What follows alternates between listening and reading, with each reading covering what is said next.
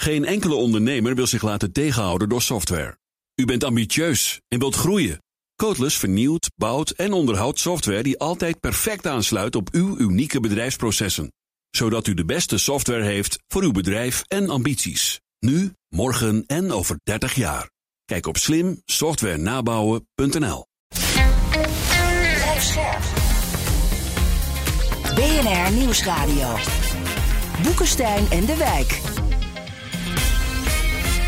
Hugo Reitsma. Dit is een extra uitzending van Boekenstein en de Wijk in verband met de oorlog in Oekraïne en de crisis met Rusland. Het is maandag, dag 236 van de invasie. Een dag die uh, voor veel Oekraïners weer begon met uh, dat brommerachtige geluid in de lucht van die uh, Iraanse drones, hè? Ja, 28 drones, zeggen sommige berichten, andere 30. Maar het lijkt ze ook te lukken om er een aantal daarvan uh, uit de lucht te halen, omdat ze niet zo heel snel vliegen, hm. omdat ze laag vliegen en ook omdat ze een, het geluid van een grasmaaier maken. en je, er zijn zelfs beelden op Twitter dat mensen, dat politieagenten met Kalashnikovs uh, uit de lucht halen. Ja. Maar goed, het zijn toch vier doden te betreuren en ik meen 15 gewonden. En ze zijn ook heel erg gericht dus op de elektriciteitssupply. Uh, ja. En overigens echt niet alleen in Kiev, maar in alle, uh, echt in drie regio's. Er zijn allemaal speciale kaartjes bij de New York Times, ook in Lviv en zo, weet je wel. Ja. Uh, bijvoorbeeld in, in Mykolaiv, er is een apart bericht over dat er daar toch ook behoorlijk wat uit de lucht zijn gehaald. En Odessa ook. Dus je zou kunnen zeggen, jongens, het is een... Het is allemaal geweldig, die kamikaze-drones van de Iraniërs, die dat overigens fel ontkennen dat ze dat gele geleverd mm. hebben. Hè? Maar de EU is daar, Ja, zeker. En de EU is daar dus heel kwaad over. Trouwens, een saillant detail hier is dat de, een onderdeel van de deal met Iran is ook dat ze dit soort dingen niet doen. Hè? Dus ook dat hele Iran-dossier wordt hier natuurlijk door uh, beïnvloed. Maar goed. Nou ja, het, wat ik dus wel merkwaardig vind is dat dus die aanvallen gewoon doorgaan. Terwijl uh, onze grote vriend Poetin heeft geroepen dat uh, er geen noodzaak meer is voor grootschalige aanvallen. Ja. Want 22 van de 29 doelen die zouden zijn vernietigd. Nou ja, welke doelen dat dan zijn, dat werd er niet bij gezegd. Maar vooral gaat het inderdaad om uh, de elektriciteitsvoorziening. Maar het vreemde is uh, dat die dus gewoon wel doorgaat. Ja. Dus misschien zijn dit geen grootschalige aanvallen, maar kleinschalige aanvallen. Dat kan nog steeds. Ja. Uh, dat hangt er natuurlijk maar even vanaf uh, hoe je dat uh, grootschalig definieert. Maar zo'n belangrijk punt wat erop hier maakt, dat op 10 oktober zei Poetin dus letterlijk, nou we hebben 22 ja. van de 90 doelen gehaald, dat helemaal niet klopte. En er is no need for massive strikes. Ja. En nu doet hij het dus wel. Dat betekent dus dat heel veel mensen nu zien, ja die man die zegt maar wat. Ja, dat hadden we ook al eerder kunnen constateren. Ja. Hè? Nou in ieder geval houdt hij zich niet aan zijn beloftes. Althans hier niet. Hopelijk dat hij dat met kernwapens uh, uh, houdt hij zich ja. misschien wel, of ook niet aan zijn beloftes. dat zou heel erg mooi zijn. Er was toen ook speculatie van, ja, misschien moet hij wel stoppen, althans voorlopig met die grootschalige ja. luchtaanvallen, vanwege gebrek aan raketten of ander ja. materiaal. Maar hij heeft kennelijk nog genoeg drones. Er waren er, heb ik er cijfers van gevonden. Wa- hij heeft 2300 drones gekocht in Iran, staat in de New York Times. En hoe, maar hij heeft er heel veel al van verbruikt. En ik weet niet hoeveel. Hm. En bij de Iskanders... Ja, ja, bij, Iskanders, ja. Ja, bij de Iskanders zijn er dus... Hij heeft er nog 124 over. Mm -hmm. En hij had er totaal 900. Dat is toch wel heel beroerd oh. hoor. Ja. Ja, ja. 124 heeft hij nog over. Ja, dat, ja. het aardige is echt die precisiegeleide wapens. Daar ben ik ook een cijfer van tegengekomen. Daar heeft hij nog ruim 600 over van de 1800. En dat zijn oh. dus zeg maar de meest uh, geavanceerde raketten die hij heeft. Dus hij gaat er wel aardig doorheen, maar het is ook weer niet zo dramatisch uh, dat hij er onmiddellijk mee op moet houden. Hè? Dat is dus gewoon niet zo. Ja, en wat we ook moeten bedenken, kijk, wat wij natuurlijk niet goed lezen in die kranten is, want Oekraïne heeft natuurlijk alle belang om daar niet over te praten, maar, maar die aanval op die kritische infrastructuur, met name op de verwarming en zo, hè, electricity, electricity grids, is natuurlijk verschrikkelijk voor de winter die er aankomt. Hè? En, en Oekraïne zegt steeds, nou we kunnen het heel snel repareren allemaal. Maar ja, dat, ik ben toch een beetje bang dat dat soms toch lastiger blijkt te ja, zijn. Dat is natuurlijk ook gewoon lastig. Een derde van het ja. land zat in ieder geval al zonder stroom. En dat, uh, ja. ja. dat repareer je niet heel snel. Dat is natuurlijk wel mogelijk, want dat hele elektriciteitssysteem, als ik het goed begrijp, in Oekraïne is opgedeeld in kleine partjes. En dus uh, onderdelen kunnen rustig uh, uh, blijven doorfunctioneren. Maar ja, goed, dan kan er natuurlijk wel weer een andere kamikaze-drone op af worden gestuurd. Of een kruisraket of een raket die uit, het, uit een onderzeeboot wordt gelanceerd. dus ik zou er maar geen rekening mee houden dat dat nou heel erg snel afgelopen is. Want als je dus inderdaad dat moreel wilt uh, wilt kraken van de Oekraïnse bevolking, is dit wel een manier om het te doen. Overigens heeft het volgens mij geen effect hoor, maar dat te zijn. Maar met de winteropkomst kan dat natuurlijk wel voor grote problemen zorgen. Ja, ja, zeker. Absoluut, absoluut. Maar het belangrijke punt is, dit soort terreurbombardementen, in de geschiedenis leert ons een beetje dat dan alleen maar dus de, het moreel van de Oekraïners sterker wordt. Hè? We zitten hier samen in en we gaan gewoon door. Alleen het, het, wordt wel verschrikkelijk als het straks gaat vriezen. Ja, wat overigens nog even een zijsprongje, want wat wel interessant hierbij is, is dat ook uh, Belgorod getroffen is door Oekraïnse projectielen. He, dat ligt dus over de grens, dat ligt in Rusland. Interessant uh, genoeg, uh, de dag daarvoor zag je dat een Russische militair daar zijn collega's aan het doodschieten was, hè, op een militaire basis in, in Belgorod. Ja. Dus uh, dat is ook een, uh, een, geweldige aanwijzing dat het niet al te goed is gesteld met het, uh, met het moreel van, van die militairen. Elf doden, 15 ja. gewonden heeft hij aangegeven. Vreselijke puinhoop. Ja. En vandaag wordt dus aangekondigd door de burgemeester van Moskou dat die zogenaamde partiële mobilisatie nu is afgelopen. 17 ja. oktober om twee uur. Wat, wat kunnen we daarvan leren, Rob? Nou ja, kijk, die partiële mobilisatie, daar heeft 220.000 man opgeroepen. daarvan uh, wordt nu gezegd, 35.000 daarvan die zijn uh, al ingedeeld in eenheden en 16.000 die zijn al inge eh, ingezet voor gevechten. Dus die mensen die zijn dus vanaf 21 september op, opgeroepen. Ja, dat betekent dus dat mensen totaal onvoorbereid de strijd in worden gezet. Eh, eh, ja, eh, die gaan totaal onvoorbereid de strijd in. Mhm. En de consequenties, die zijn natuurlijk vrij groot, want de verliezen zijn, die zijn dramatisch. ze zijn ja, nogmaals niet goed, niet goed opgeleid, vijf tot tien dagen, hooguit. Uh, ze hebben onvoldoende uh, bewapening. Dus aan alle kanten uh, zit, dit veel, zit dit mis. Wat we nu ook zien, is dat er op dit ogenblik wordt gesproken over een nieuwe najaarslichting van 120.000 recruten die worden opgeroepen opgeroepen. Mhm. En dat is niet onbelangrijk dat die lui worden opgeroepen, want dat zijn zeg maar de echte gevechtseenheden die, het, um, die de bezette gebieden echt moeten gaan, uh, gaan beschermen. En die worden naar het schijnt beter opgeleid. Dus mhm. die 220.000 uh, mannen die nu worden opgeroepen, die zijn, niet, die zijn echt niet te benijden. Want dat is gewoon echt letterlijk kanonnenvlees. He, die worden erin gebracht om ervoor te zorgen dat Rusland zoveel mogelijk houdt uh, wat ze veroverd hebben. En daar zit dus echt wel een geweldig probleem. En hier zie je dus ook gewoon aan hoe slecht het gaat. Dus eerst die nieuwe lichting van die in het najaar wordt opgeroepen, die moet dan eerst worden uh, getraind. En dan zou je die volgend jaar uh, ingezet kunnen zien. En ja, dan moet je dus een nieuw offensief kunnen, kunnen uitvoeren. Ja. Er zijn 9000 Russische soldaten in Wit-Rusland aangekomen, zegt de New York Times. Uh, er komen nog 170 tanks bij en 200 uh, luchtdoelraketten. Um, nou, de grote vraag is. Volgens mij zijn de Russen niet zo stom dat ze nog een keer Kiev gaan aanvallen. Dat kan ik me gewoon niet voorstellen. Niet. Dus de enige reden wat ze wat die mee kunnen doen, is dat ze daarmee Oekraïense uh, wapens en, en, en, posities willen belasten. Dat ze dus daar ook hmm. nog wel. Maar goed, het schijnt, het schijnt daar wel een goede beveiliging te zijn. Het is een wanhoopsdaad eigenlijk. Nou ja, het, is eigenlijk, het, lijkt erop, hè, maar dat is gewoon echt even nu met, uh, met de kennis die we hebben, de zeer beperkte kennis die we hebben. Het lijkt erop alsof hier een, dreig, een dreiging wordt opgebouwd. Om ervoor te zorgen, precies wat je zegt, dat, dat troepen die, voor, uh, die in het offensief zijn in andere delen van Oekraïne, worden, worden teruggehaald en daar worden neergezet om ervoor te zorgen dat uh, de Russische en Belarusische strijdkrachten geen interventie kunnen uitvoeren. Het is het openen van een feitelijk een nieuw front. En dat is natuurlijk precies wat uh, de Oekraïners ook hebben gedaan met die truc die ze hebben uitgehaald in, uh, in het oosten.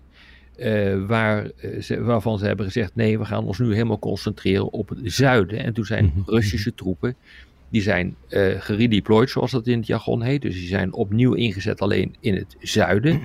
Waardoor eigenlijk de Oekraïners in het oosten konden doorlopen. Als je het nog kan volgen. Maar dit is nou mhm. precies, denk ik, wat hier nu ook achter zit. Bij die hele discussie over, het, uh, over wat er nu gebeurt in Belarus. Ja, ondertussen lijkt Oekraïne zich nu wat meer te richten inderdaad op het zuiden. Hè? Ja. Uh, ze willen daar ook echt niks over zeggen wat er gebeurt in uh, Gerson. Uh, operationele stilte. De dat Russen die zeggen. Dat hebben ze al maanden. Ja. ja. De Russen zeggen vandaag dat ze Oekraïnse aanvallen hebben afgeslagen. Ja. Maar we hebben eigenlijk geen beeld van wat daar gebeurt. Nou ja, ja we hebben een, een zeker beeld. Grote doorbraken zijn er niet. Anders hadden we die namelijk wel gehoord. Hm. Dus het, het, zit, het zit echt, echt vast hoor. En dat, Zit, uh, ja, dat zit echt vast. Dus na die, uh, die geweldige slag die Oekraïne heeft uh, geslagen in het, rond Kharkiv in het, in het oosten, waar ze hele stukken terug hebben veroverd, om, eigenlijk omdat er geen, bijna geen Russische militair meer was, zijn er eigenlijk niet heel veel vorderingen meer gemaakt. Hm. Hebben we iets van zicht over eh, de eventuele onrust in Moskou, in de, in de leiding daar, waar eerder wel, wel, wel berichten over waren, maar het is ook heel moeilijk zicht op te krijgen. Ja, er stond een stuk in de Washington Post een week geleden en die hadden gesproken met één man van de Inner Circle, maar de naam werd natuurlijk niet genoemd. En die had ook persoonlijk aan Poetin verteld dat hij het uh, niet meer zag zitten. Nou, en nou staat er een stuk van Lawrence Friedman in de Kiev Post. Ja. Lawrence Friedman is een geweldige eh, historicus. Hè? Uit Engeland. Uh, ja, uit Engeland. En is, hij, hij, geeft dan zo'n overzicht, dat zal ik heel kort vertellen. Nou, welke mannen zitten er nou om Poetin heen die wat zou kunnen doen? Hè? En de conclusie van Lawrence Friedman is dat ja, die zijn het allemaal met elkaar oneens, dus het gaat niks worden. Maar het is bijvoorbeeld Medvedev natuurlijk, maar allemaal genocidale retoriek. En hij wordt ook niet meer serieus genomen. Die kun je dus afstrepen. Hè? Dan heb je Volodin het hoofd van de Duma, de voorzitter daarvan. Ja. Maar ja, dan heb je Mishustin, de huidige prime minister. Dat, dat, dat was vroeger de positie van Poetin natuurlijk, is een technocraat. Dan heb je Kirienko, dus de voorganger van Mishustin, maar die heeft nu de ellendige en, en uh, betrekkelijk armoedige taak om de, uh, het, bezette Oekraïne te, over, te, te, te te, te, beschouwen. Dus die man is mhm. ook, zit alleen maar in de shit. Hè? Dan heb je Zolotov, de hoofd van de Nationale Garde, machtige positie. Dan heb je Korenkov, de, de, de minister van noodtoestanden, geweldige term. En dan heb je de twee outsiders, Kadyrov van de Tsjetsjenen, we kennen vaak ja. over gesproken, ja. en Prigozhin van de Wagner-groep. Ja. Nou, die, nou, deze jongens die hebben dus private armies. En die noemen dus de bestaande generaals uh, pieces of garbage, stukken vuil. Hè? Ja. En, de, en, verder hebben we dan nog Surovikin, de overall commander, die in Syrië de slager was. Hè? En die overigens ook een actief lid was van de coup met Gorbachev. En, en, en Prikoshin die steunt Surovikin. Dus die moeten we een beetje in de gaten houden. Mm Nou, Lawrence Friedman zegt van een succesvolle coup vereist eenheid tussen de plotters, dat is er niet. Uh, voldoende wapens, in ieder geval een beetje de schijn van publieke steun. En daarnaast ook een plausibel programma hoe de shit waar Rusland in zit opgelost zou kunnen worden. Nou, en dat laatste is er natuurlijk niet, jongens. De mobilisatie werkt niet. De kamikaze-drones zijn niet effectief. Uh, wat, dus, wat, wat, heeft, wat heeft Poetin nog voor middelen? hij heeft nu even dus, de nationalisten hebben gevraagd, ik wil meer aanvallen zien, heeft hij nu gedaan. Dat werkt dus ook niet. Mhm. Dus wat voor plausibel programma kan je dan maken? Het enige wat je kan bedenken is van, nou, weet je wat, we gaan, uh, we trekken ons terug of zo. Maar daar zijn die nationalisten, kunnen dat natuurlijk niet zeggen. Dus de zaak zit weer gewoon helemaal mhm. hartstikke vast. Zegt ouderwets Kremlin-watchen dit, hè? Ja, ja staat waar. De, de, de tijdens de Koude Oorlog, hè? Ja. Die discipline die is in uh, 1990 zo ongeveer ontmanteld. Ja, dat gaan we nou weer doen. Ja. Tja. En overigens van het Kremlin-watchen naar, uh, wat, wat, is het, de Verboden Stad? Waar uh, het partijcongres van de Communistische Partij nou Ja, voor de Verboden Stad. Hè? Ja? Uh, ja, maar wel heel dichtbij. Ja, ja het is partijcongres buitengewoon uh, belangrijk. Ik heb echt uitgekeken naar de speech van, van Xi. En mijn grote vraag was natuurlijk, voldoet hij aan de hooggespannen verwachtingen die eigenlijk in 2017 zijn uh, zijn ontstaan toen hij echt een, eh, een historische speech heeft gehouden, waarin hij eigenlijk de marsroute naar, het, naar de toekomst heeft uitgezet. He, zo rond 2049, 100 jaar bestaan van de Volksrepubliek, moet China nummer 1 zijn in de wereld. en over een aantal jaar pakweg rond 2030, 35 moet, moet China een leidende technologische macht zijn. En gaat hij nou verder uitleggen hoe dan China daar gaat komen? Hm. Nou, het antwoord is e-, eigenlijk, eigenlijk nee. En dat vond ik wel heel erg opmerkelijk. het is niet echt een vervolg op die uh, roemruchte speech, die toch wel historisch, van historische proporties was. Hm. Dit hele dit hele partijcongres staat veel meer in, in, de, in, in het teken van persoonsverheerlijking. Uh, de mogelijkheid dat hij nog een termijn krijgt uh, als president. Mogelijk uh, wordt hij ook nog een keer benoemd tot partijvoorzitter. Nou ja, wij denken dat heeft de PvdA ook op D66, dus dat is allemaal niet zo belangrijk. Maar die Mao, die had die, die titel ook. En die zou hij nu kunnen terugkrijgen als een soort uitdrukking van de absolute macht die hij feitelijk nu aan het, aan het vergaren is. Maar goed, als je dus gewoon kijkt, dan zou je denken van wat gaat hij dan met het zero-covid-beleid eh, doen, wat hem toch echt gewoon geschaad heeft economisch. Ja, dat blijft hij gewoon voortzetten. Hij heeft eh, gezegd dat eh, de economische groei echt een groot probleem aan het worden is. Uh, eh, 5,5% was, uh, was de prognose. Nou, hoeveel het wordt, dat weten we niet. Maar het, uh, het valt echt heel sterk terug. misschien wel naar bijna geen groei. over Taiwan, ja, ook daar niet veel bijzonders gezegd. gezegd, we willen dat eiland nog steeds met vreedzame middelen helemaal incorporeren. Maar als het moet, dan gebruiken we geweld. Nou, was ook allemaal bekend. Ja, dus eigenlijk vond ik het een beetje teleurstellend. Ik had gedacht van wanneer komt hij nou eens een keer met een, eh, eh, met een echte visie op wat hij eh, nu eigenlijk gaat doen in deze tijd, die ook voor hem buitengewoon uit, uitdagend is. En dat, ja. Dat, dat, ja, ik vond dat er niet echt in zit. Ik ook. En wat Taiwan betreft zegt hij gewoon dat hoort bij China. Hè? Dat, dat gaan, gaan, we ook doen. En als je nou kijkt vanuit het blikveld van een gewone Chinees. Hè? Nou, dan heb je dus dat zero covid policy. Dus je vader zit in een kamp ergens, terwijl die elke dag negatief wordt uh, geïndiceerd, moet hij blijven zitten. Daar worden mensen boos van. Maar het tweede is die property crisis. Hè. Je moet je dus voorstellen, er staat een verhaal in de New York Times. Je bent een vrouw en een man en je, je houdt van elkaar, je bent getrouwd en je wil een appartement kopen. Je hebt een down payment gedaan van 30.000 dollar. En vervolgens wordt dat appartement helemaal niet gebouwd, omdat die projectontwikkelaar is failliet gegaan. Ja. En het, het, was de bedoeling dat dat dan overgenomen zou worden door de lokale Chinese overheden, maar die zitten ook hebben ook allemaal problemen. Dat lijkt me dus echt. Mensen worden ontzettend kwaad als, als ze geen huis kunnen kopen. Hè? Ja, dat is ook echt een groot probleem. Dit. Nou ja, een, een ander groot probleem is de aanval op uh, big tech. Hè? Dus de grote technologiebedrijven. Hm. dat zijn uh, altijd de kippen met de gouden eieren geweest. Waar eigenlijk Xi de enorme welvaart aan te danken heeft. die China de afgelopen jaren heeft kunnen ontwikkelen. Ja, daar, daar zet hij dus nu ook uh, een, um, ja, die zet hij nu ook onder curatelen. Dus wat, we, wat we nu zien, uh, is dat, dat de repressie aan het toenemen is, ook op die sectoren uh, die feitelijk borg moeten staan voor, e-, voor de economische groei. En tegelijkertijd zien we dat op dit moment, as we speak, de, de Amerikanen Biden uh, eigenlijk bezig eh, zijn met de voorbereiding van een economische oorlogvoering tegen China die ongekend is. Ja. Uh, nou, hartelijk gefeliciteerd meneer Xi met je mooie titel van partijvoorzitter. probeer dit maar eens op te lossen. Gaat China een beetje Rusland achterna als ze niet oppassen? Met de, meer staatsgeleide economie en alles onder de controle van één leider? Absoluut. Kijk, deze meneer, die meneer Xi, die kan eigenlijk niet anders uh, doen iedere keer. Dat wanneer hij een probleem heeft, dan voert hij gewoon de repressie op. En dat is, dat is niet verstandig, want uh, repressie, dat leidt uiteindelijk ook tot economische stagnatie. En het, het land ging juist bloeien en groeien, doordat de ramen naar het westen werden opengezet. En nu mm gooi je die weer dicht. Dus de investeringen die zie je nu al teruglopen. Uh, en ja, dit is gewoon, dit is een recept voor een ramp. Dus hoe hij ja. hier uit wil komen, weet ik niet. En het raakt ook de Europese Unie, want Duitsland had een, altijd een hoge export naar China, hè? heel succesvol gepenetreerd.